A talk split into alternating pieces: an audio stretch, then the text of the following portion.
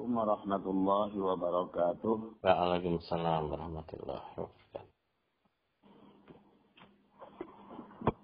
Bismillahirrahmanirrahim. Alhamdulillahi rabbil alamin wa bihi nasta'in wa ala umuri dunya wad din.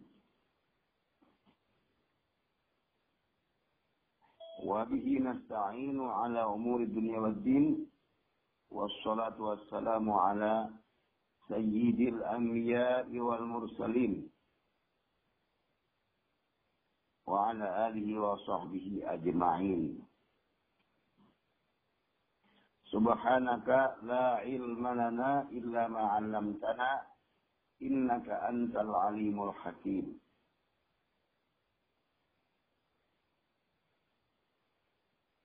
ولا حول ولا قوة إلا بالله العلي العظيم أما بعد الحمد لله رب العالمين kita kembali bertemu dalam kajian pembacaan kitab An-Nurul Amin pertemuan sesudah kita diberi oleh Allah Subhanahu wa taala umur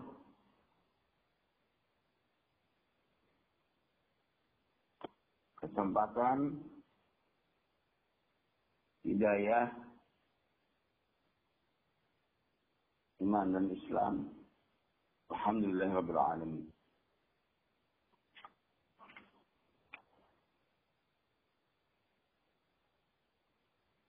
Sebenarnya kita masih berbicara tentang rindu kepada Allah. Tetapi karena kisah-kisahnya itu cukup panjang. Insya Allah isinya sama seputar rindu. Seputar keinginan untuk berjumpa dengan Allah yang mestinya mengalahkan keinginan-keinginan yang lainnya bahkan tentang surga.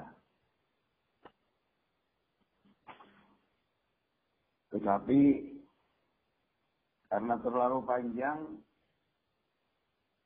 saya memutuskan kita beralih saja kepada tentang mahabbah kepada bahasan tentang mahabbatullah tentang cinta kepada Allah.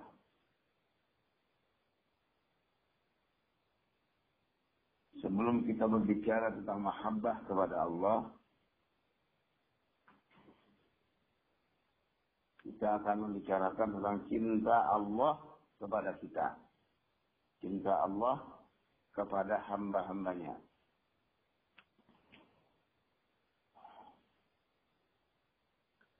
Di dalam kitab suci Al-Quran disebutkan tentang cinta Allah kepada hambanya. Dalam surah As-Saf ayat 4. A'udzu billahi minasyaitonir rajim. Inna Allah yuhibbul ladzina yuqatiluna fi sabilihi saffan Sesungguhnya Allah mencintai orang-orang yang berperang di jalannya dalam keadaan berbaris rapi. Sok. Berbaris dengan rapi. Saya ulangi, sesungguhnya Allah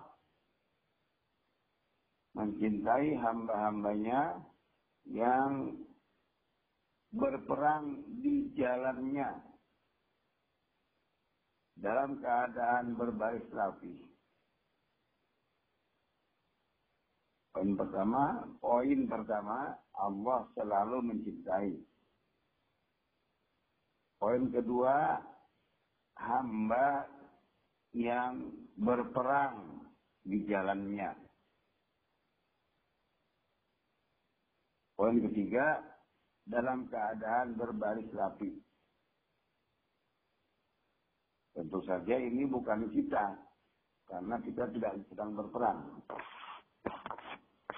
Apalagi berbaris dengan rapi. Ya. Jadi kita harus ribo dalam hal berperang di jalannya, kita tidak mendapat kesempatan untuk dicintai Allah. Beda dengan berjihad, ya. Berperang itu artinya membunuh membunuh demi agama Allah. Sesuatu yang saat ini sedang tidak kita lakukan dan sulit untuk kita lakukan. Sebab di negara kita tidak sedang berperang. Tapi kalau berjihad dalam bidang masing-masing, iya. Bisa kita lakukan. Terutama ini teman-teman sekalian, para asatis, para ustazah ini, semuanya sedang berjihad di bidang ekonomi. Ya.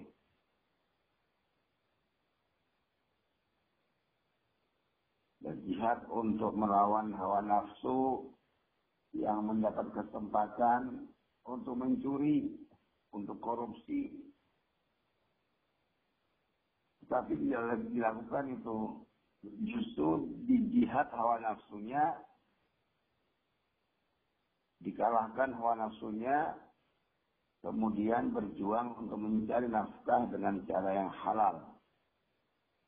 Mudah-mudahan ini termasuk orang-orang yang dicintai Allah Subhanahu wa taala. Dalam berbaris rapi, dalam keadaan berbaris rapi bisa kita maknai sebagai bentuk ekonomi yang teratur, perjuangan mencari nafkah yang teratur dalam satu perusahaan misalnya dengan perencanaan yang baik, pengawasan yang baik, perbaikan yang baik, dan evaluasi yang disebut dengan manajemen itu. Mudah-mudahan termasuk yang dicintai Allah Subhanahu wa taala. Dan harap jangan dicederai cinta itu dengan melanggar peraturan orang yang mencintai. Misalnya, ingin dicintai oleh Allah tetapi tidak melaksanakan sholat dengan sengaja padahal dalam keadaan longgar dan dalam perasaan yang meremehkan kepada sholat itu. Perasaan tidak penting bahwa sholat itu tidak penting. Nah, kalau seperti itu maka jihad kita di bidang ekonomi bercampur dengan penolakan terhadap fardu dari Allah. Lalu cacat jihad ekonominya itu.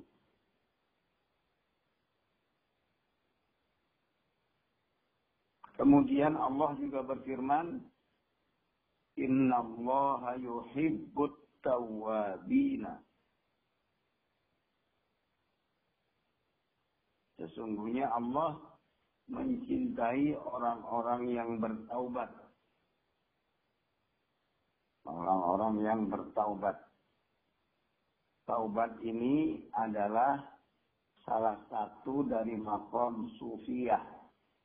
Salah satu tingkatan dari bertasawuf. Bahkan tingkatan yang harus dilalui semua orang. Karena taubat adalah tingkatan awal.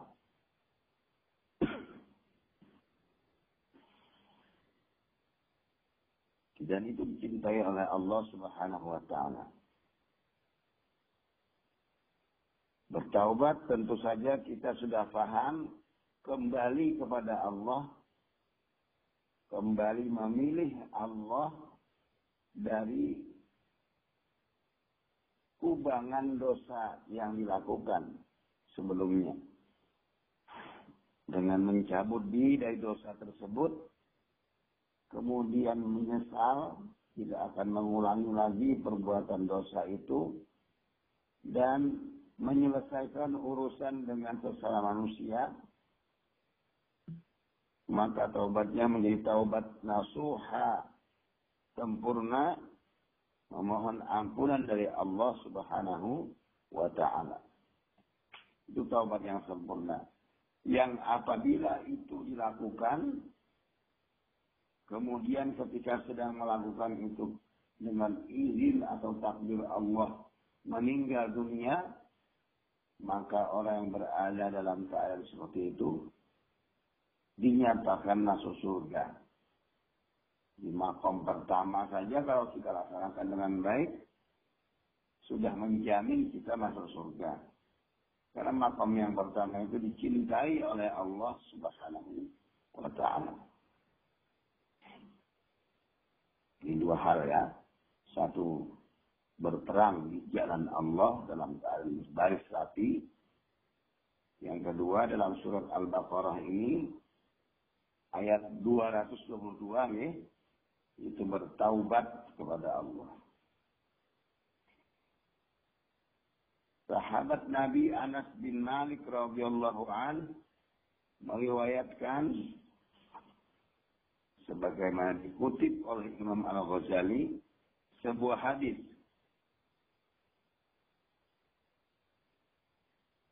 Yang mana Nabi Shallallahu Alaihi Wasallam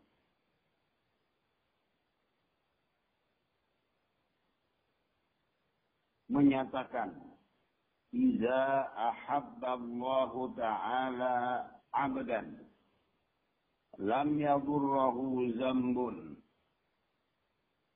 wattaibu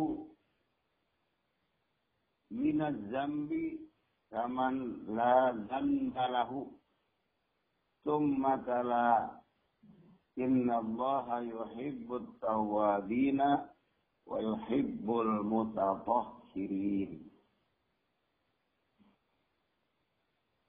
Kata Rasulullah Shallallahu Alaihi Wasallam, apabila Allah Subhanahu Wa Taala sudah mencintai seseorang hamba, maka dosa tidak bisa mendatangkan bahaya kepadanya.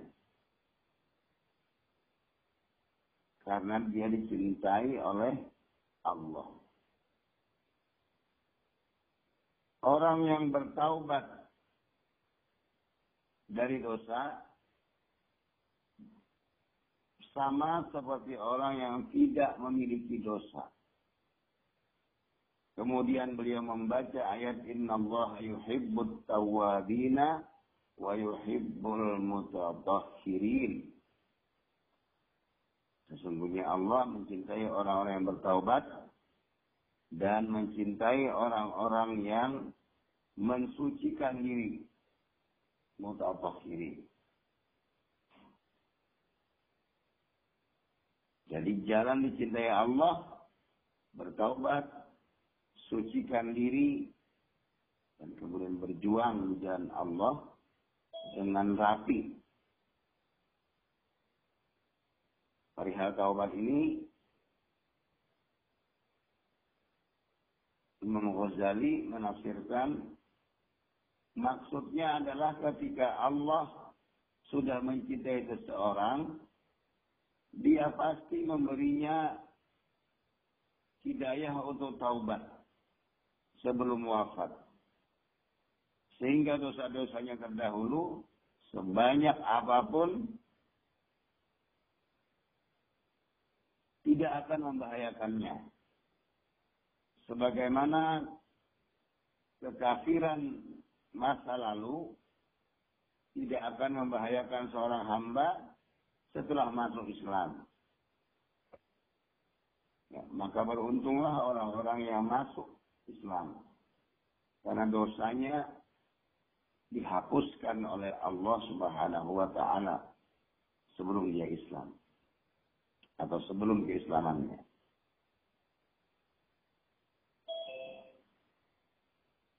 Allah Subhanahu wa taala mensyaratkan pengampunan dosa bagi cintanya Sebagaimana firman beliau, firman Allah dalam surat Ali Imran ayat 31, Yuhibbukumullahu wa yaghfir lakum zunubakum. Niscaya Allah mencintai kalian dan mengampuni dosa-dosa kalian.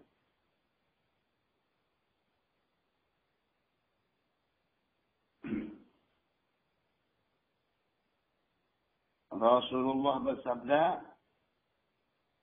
Inna Allah yu'ti dunya liman yuhibbu wa man la yuhibbu. Wa la yu'til imana illa liman yuhibbu. Sesungguhnya Allah memberikan dunia kepada orang yang dia cintai dan kepada orang yang tidak dia cintai.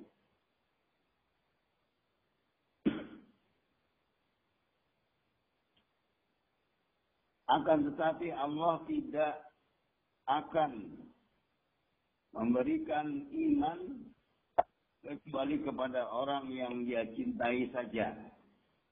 Maka beruntunglah orang-orang yang beriman karena hanya mereka dicintai oleh Allah Subhanahu wa taala dengan keimanannya itu. Sedangkan orang yang diberikan Allah dunia tapi tidak diberikan iman, maka bisa jadi dia dicintai oleh Allah, bisa jadi dia juga tidak dicintai oleh Allah Subhanahu wa taala. Atau begini, walaupun dia tidak dicintai oleh Allah, tetap dunia oleh Allah Subhanahu wa taala. Man tawadha'a lillahi rafa'ah. Wa man takabbara wada'ah. Faman aksara zikrallahi ahabba. Fayakunu sam'uhu alladhi yasma'u bihi. Barang siapa merendah karena Allah tawadu niscaya Allah akan mengangkat derajatnya. Barang siapa bersikap sombong, takabur, niscaya Allah akan merendahkan derajatnya. Dan barang siapa banyak berzikir kepada Allah, maka Allah mencintainya. Sehingga Allah menjadi pendengarannya yang dengan itu seorang hamba mendengar.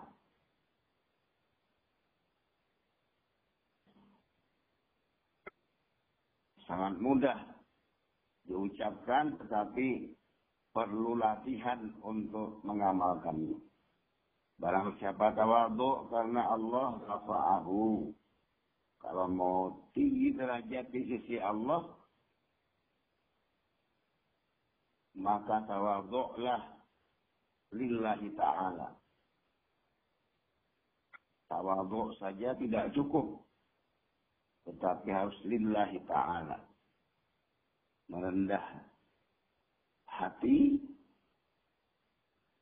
di hadapan manusia yang lainnya harus dengan niat lillahi ta'ala. Dan lillahi ta'ala ini yang sering lupa. Manusia-manusia yang merendahkan diri. Lengah dengan perkara lillahi ta'ala.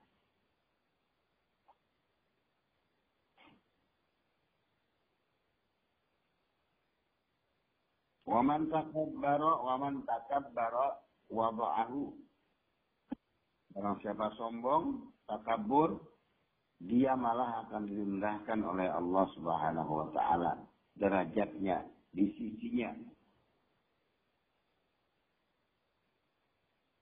Dan takabur itu cenderung mudah untuk dilakukan. Siapa orangnya yang tidak mau membesarkan dirinya? Siapa yang tidak suka dipuji? Siapa yang tidak suka merendahkan orang lain dan membesarkan dirinya? Tapi orang yang seperti itu akan direndahkan derajatnya oleh Allah di sisinya.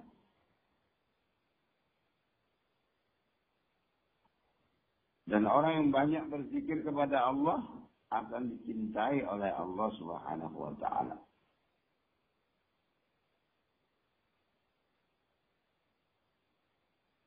Banyak cara berzikir di antaranya membaca la ilaha illallah menyatakan tidak ada Tuhan selain Allah aksara itu memperbanyak jadi tidak cukup sekali menurut para ulama minimal tiga kali itu disebut sebagai banyak Walaupun ada angka tiga dalam bahasa Arab, tetapi kebanyakan angka tiga itu disebut sebagai jamak. Ya, sebutan untuk kata jamak itu tiga minimalnya. Sehingga kalimat la ilaha illallah seperti juga Nabi Muhammad Shallallahu Alaihi Wasallam mengajarkannya kepada Sayyidina Ali dengan jumlah tiga kali disebut sebagai talqin zikir dengan memejamkan mata. Dan suatu saat Nabi Muhammad Shallallahu Alaihi Wasallam dalam sebuah hadis yang diriwayatkan banyak oleh para ahli hadis,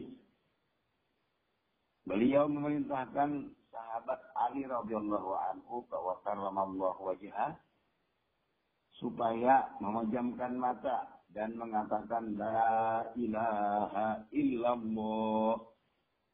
Diucapkan tiga kali. Kemudian membaca Muhammadur Rasulullah sambil membuka mata. Itu disebut sebagai talqin zikir, ajaran zikir dari Nabi Muhammad Sallallahu Alaihi Wasallam. Ketika selesai, kemudian Sayyidina Ali bertanya, Wahai Rasulullah, apakah ini khusus untukku saja atau untuk orang lain juga? Maka jawaban Rasulullah Shallallahu Alaihi Wasallam, ini adalah untuk kamu dan untuk orang lain juga. Yang disebut sebagai tarafin zikir oleh para penceramah itu sering disampaikan di antaranya Bapak Zainuddin MZ ya Kiai Haji Muhammad Zainuddin MZ sering di akhir ceramah beliau menuntun kalimat la ilaha illallah untuk semua jamaah. Demikian juga dengan Ustadz Abdul Somad dan banyak dai-dai yang lain. Karena ini memang terkenal sekali riwayat ini, viral riwayat ini kalangan ahli hadis dan menjadi agenda utama setiap tariqah atau tarekat sufi. Tariqah as-sufiyat atau tarekat sufi itu pertama sekali mengajarkan zikir. Di antara dasarnya adalah barang siapa memperbanyak zikir kepada Allah, bisa dicintai oleh Allah. Di orang-orang pembimbing itu, para mursyid itu, mengajarkan yang pertama adalah agar dicintai oleh Allah. Dasarnya. Diajarkanlah kalimat zikir sebanyak tiga kali, yang juga berasal dari Rasulullah, dan kata tidak itu mewakili banyak, maka barang siapa membacanya tiga kali, dia aksara. Dia memperbanyak zikirnya kepada Allah. Ahabbahu niscaya dicintai oleh Allah subhanahu wa ta'ala. Dan kalau orang dicintai oleh Allah, maka Allah akan mempersyaratkan taubat kepadanya. Sekalipun dia pendosa besar, di seumur hidupnya, menjelang wafatnya dia diberi hidayah untuk taubat, maka dia menjadi ahli surga karena dicintai oleh Allah Subhanahu wa taala. Dan bagus ini apabila kita amalkan dan kita ajarkan kepada anak-anak kita. Sebagai ibu, sebagai bapak dari anak kita, ajarkan saja kalimat ini. Kalau dia sudah bisa mengucapkannya dengan baik dan benar, dia sudah cukup mengerti. Kalau kita ajak dia, wahai anakku, pejamkan mata kalian dan ikuti ayah, ikuti ibu Bacalah la ilaha illallah. La ilaha illallah. La ilaha illallah. Muhammadur Rasulullah. Di samping akan dicintai oleh Allah Subhanahu wa taala, berzikir dengan kalimat la ilaha illallah itu juga memenuhi anjuran Rasulullah Shallallahu Alaihi Wasallam untuk memperbaharui keimanan bagi orang-orang yang sudah beriman. Di mana Rasulullah Shallallahu Alaihi Wasallam juga pernah bersabda, "Au kamakal," yaitu kata beliau, "Jadidu imanakum." Perbaharuilah iman-iman kalian bila ilaha illallah dengan kalimat la ilaha illallah maka baru lagi iman kita dan siap diisi dengan ibadah-ibadah berikutnya. Imam Ghazali mengatakan bahwasanya Zaid bin Aslam berkata, Sesungguhnya Allah benar-benar mencintai seorang hamba.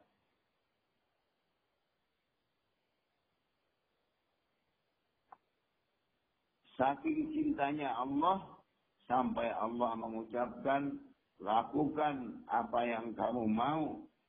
Sesungguhnya aku telah mencintaimu. Sesungguhnya aku telah mengampunimu. Qad ghafartu. Sesungguhnya aku telah mengampunimu.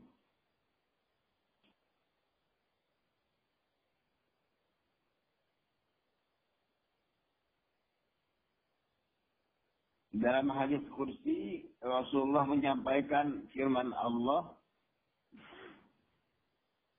La yazalul abdu yataqarrabu ilayya bin nawafili hatta uhibbuhu hatta uhibbahu.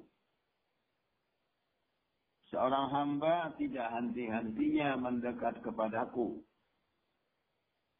dengan amalan-amalan sunnah sampai aku cinta kepadanya.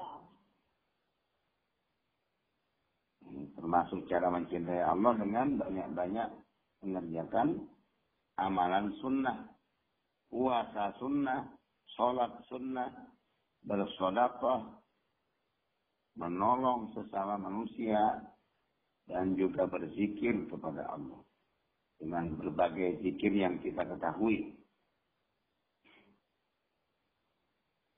Maka kita akan dicintai oleh Allah dan tindakan kita dibimbing oleh Allah Subhanahu wa taala. Berjalan ke mana, duduk di mana, berbicara, mendengar, melihat dengan bimbingan Allah Subhanahu wa taala. Maka dia tidak akan bisa melihat kemaksiatan karena kemaksiatan itu dibenci oleh Allah.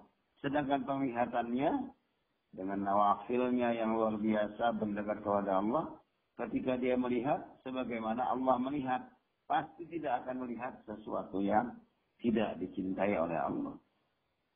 Pun ketika dia mendengar dan berbicara, bahkan ketika dia meraih sesuatu dengan tangannya, maka yang diambilnya, yang dipegangnya sesuatu dicintai oleh Allah Subhanahu wa taala. Pertanyaannya, kenapa kita kok selalu salah mengambil? Misalnya, seakan-akan tidak bisa dipastikan yang kita ambil ini diridhoi apa tidak. Kita sendiri tidak bisa menentukan. Bahkan kita tersalah-salah dalam mengambil hak. Atau kenapa kita kalau mendengar sesuatu ikut juga terdengar yang berbau kemaksiatan. Atau ketika kita berbicara, pembicaraan kita itu tidak diridhoi Allah. Juga ketika kita melihat selalu ikut hal-hal yang maksiat tercampur dalam sesuatu yang kita lihat. Kenapa? Itu karena kita tidak mendekat dengan Allah, mendekati Allah dengan amal-amalan sunnah. Atau mungkin salah sunnah kita kurang banyak. Puasa sunnah kita kurang banyak. Atau ibadah sunnah kita kurang juga. Kalau konsepnya sudah jelas dan mudah Sederhana saja. Zikir kita berarti kurang banyak juga. Bahkan bisa jadi kita termasuk orang yang ikut mencela amal-amalan zikir yang sunnah itu. Jauh dari takarrub kepada Allah. Ya, dulu banyak orang yang mencela tahlilan. Padahal tahlilan itu isinya la ilaha illallah dan barang siapa membaca la ilaha illallah itu dia memperbaharui imannya. Kalau dia banyak membaca la ilaha illallah, dia akan dicintai oleh Allah. Maka orang-orang yang mencela perkara ini semakin jauh dari Allah Subhanahu wa taala. Maka yang ada pada penglihatannya adalah penglihatan logikanya sendiri, kemauannya sendiri. Tidak dalam bimbingan. Yang didengarnya tidak dalam bimbingan Allah, apalagi yang diucapkan. Maka selalu saja kalau dia mengucapkan sesuatu, orang akan tersinggung.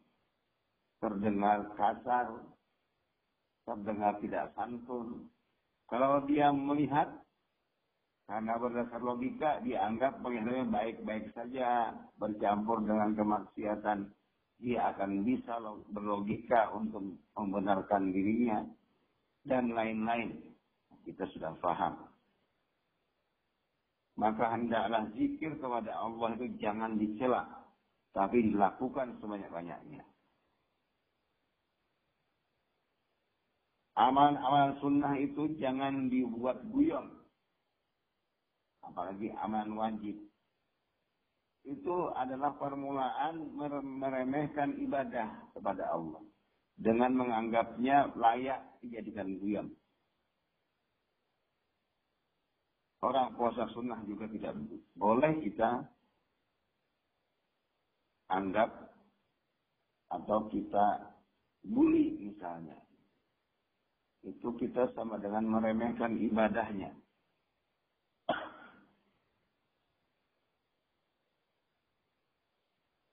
Kita hormati ibadah-ibadah sunnah dan semoga Allah memberikan hidayah kita, hidayah kepada kita untuk rajin melakukannya.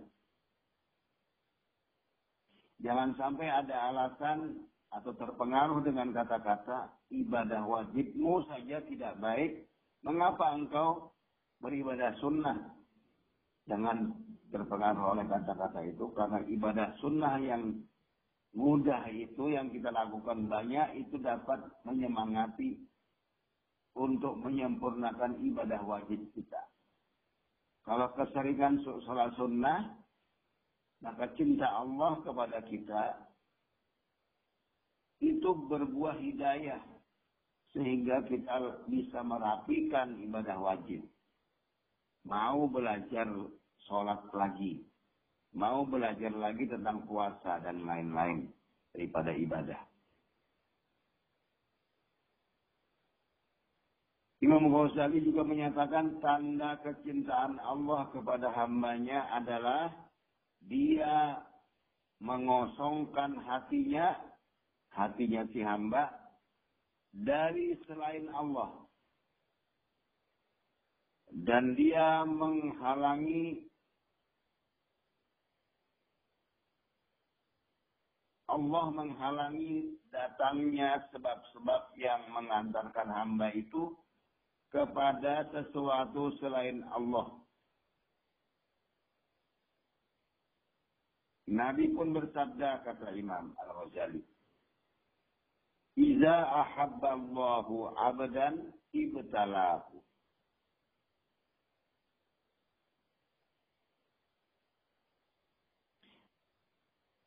فإذا أحبه الحب البالغ اقتناه قيل وما اقتناه قال lam yatruk lahu ahlan wala malan. Luar biasa. Eh. Ketika Allah mencintai seorang hamba, maka Allah pasti mengujinya dengan balak mengujinya. Ketika Allah mengujinya, ya, ketika Allah mencintainya, pasti Allah mengujinya. Dan ketika Allah mencintainya dengan sangat mendalam, atau tambah mencintainya lagi, maka iqtanahu. Niscaya dia pasti meraih hamba itu, mengambil hamba itu. Maka ada yang bertanya kepada Rasulullah Sallallahu Alaihi Wasallam, apa yang dimaksud dengan Allah meraihnya, wahai Rasulullah? Maka Rasulullah Sallallahu Alaihi Wasallam menjawab,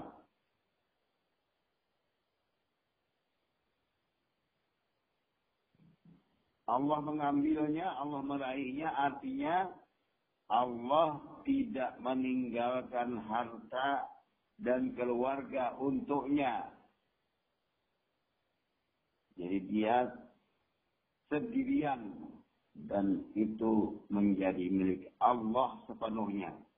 Dia tidak terpaut lagi oleh dia tidak tertawan oleh kecintaan kepada harta dan anak-anaknya. Karena nggak punya anak, nggak punya harta. Tidak punya anak dan keluarga malah. Ini sungguh berat bagi kita.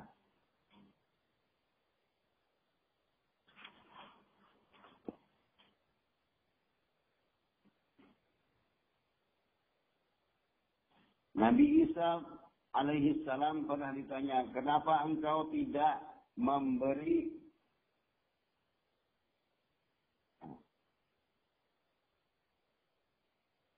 kesempatan untukmu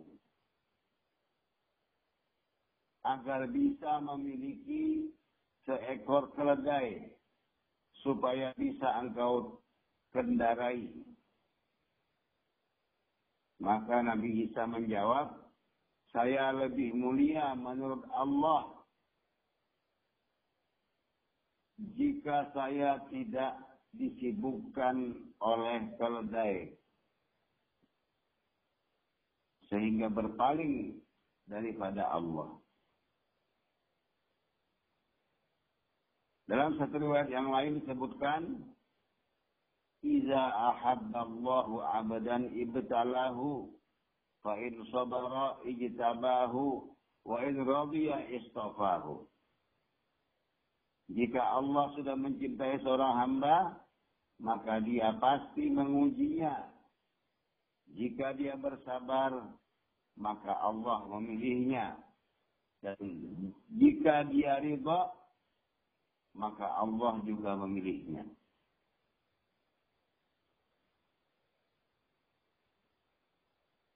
Para ahli sufi mengatakan, kata Imam Ghazali, di antara tanda kecintaan seseorang kepada kepada Allah adalah mengutamakan apa yang Allah cintai di atas apa-apa yang dicintainya sendiri.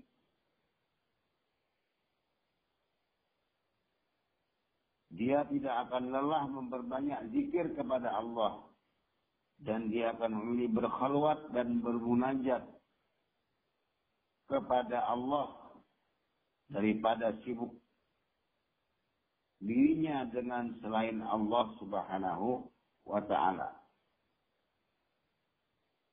Sampai di situlah pembahasan tentang bagaimana Allah mencintai hambanya. Mudah-mudahan kita termasuk di antara hamba-hamba Allah yang mendapatkan cintanya Allah. Baik dengan jalan berjuang, di jalan Allah berjihad, maupun dengan jalan memperbanyak zikir, atau dengan jalan memperbanyak amal sunnah, atau dengan cara mengikis sifat sombong, sifat takabur, dan merendahkan hamba-hamba Allah Subhanahu wa taala dengan ungkapan-ungkapan yang menghinakan. Kita selalu berdoa kepada Allah sehingga para ulama itu senang mengucapkan doa Allahumma Allahumma rizukna hubbaka Ya Allah berikan atau anugerahkanlah kepada kami kecintaan kepadamu. Wa hubba man yuhibbuka. Anugerahkanlah kepada hamba cinta orang-orang yang mencintaimu. Wa hubba kulli amalin yuqarribuna ila, ila hubbika. Dan anugerahkanlah kepada kami cinta kepada amal-amal, kepada pekerjaan-pekerjaan yang bisa mendekatkan kami kepada cintamu. Itu doa yang maksur yang diajarkan oleh Rasulullah Shallallahu Alaihi Wasallam. Kiranya sampai di sini dulu apa yang saya bacakan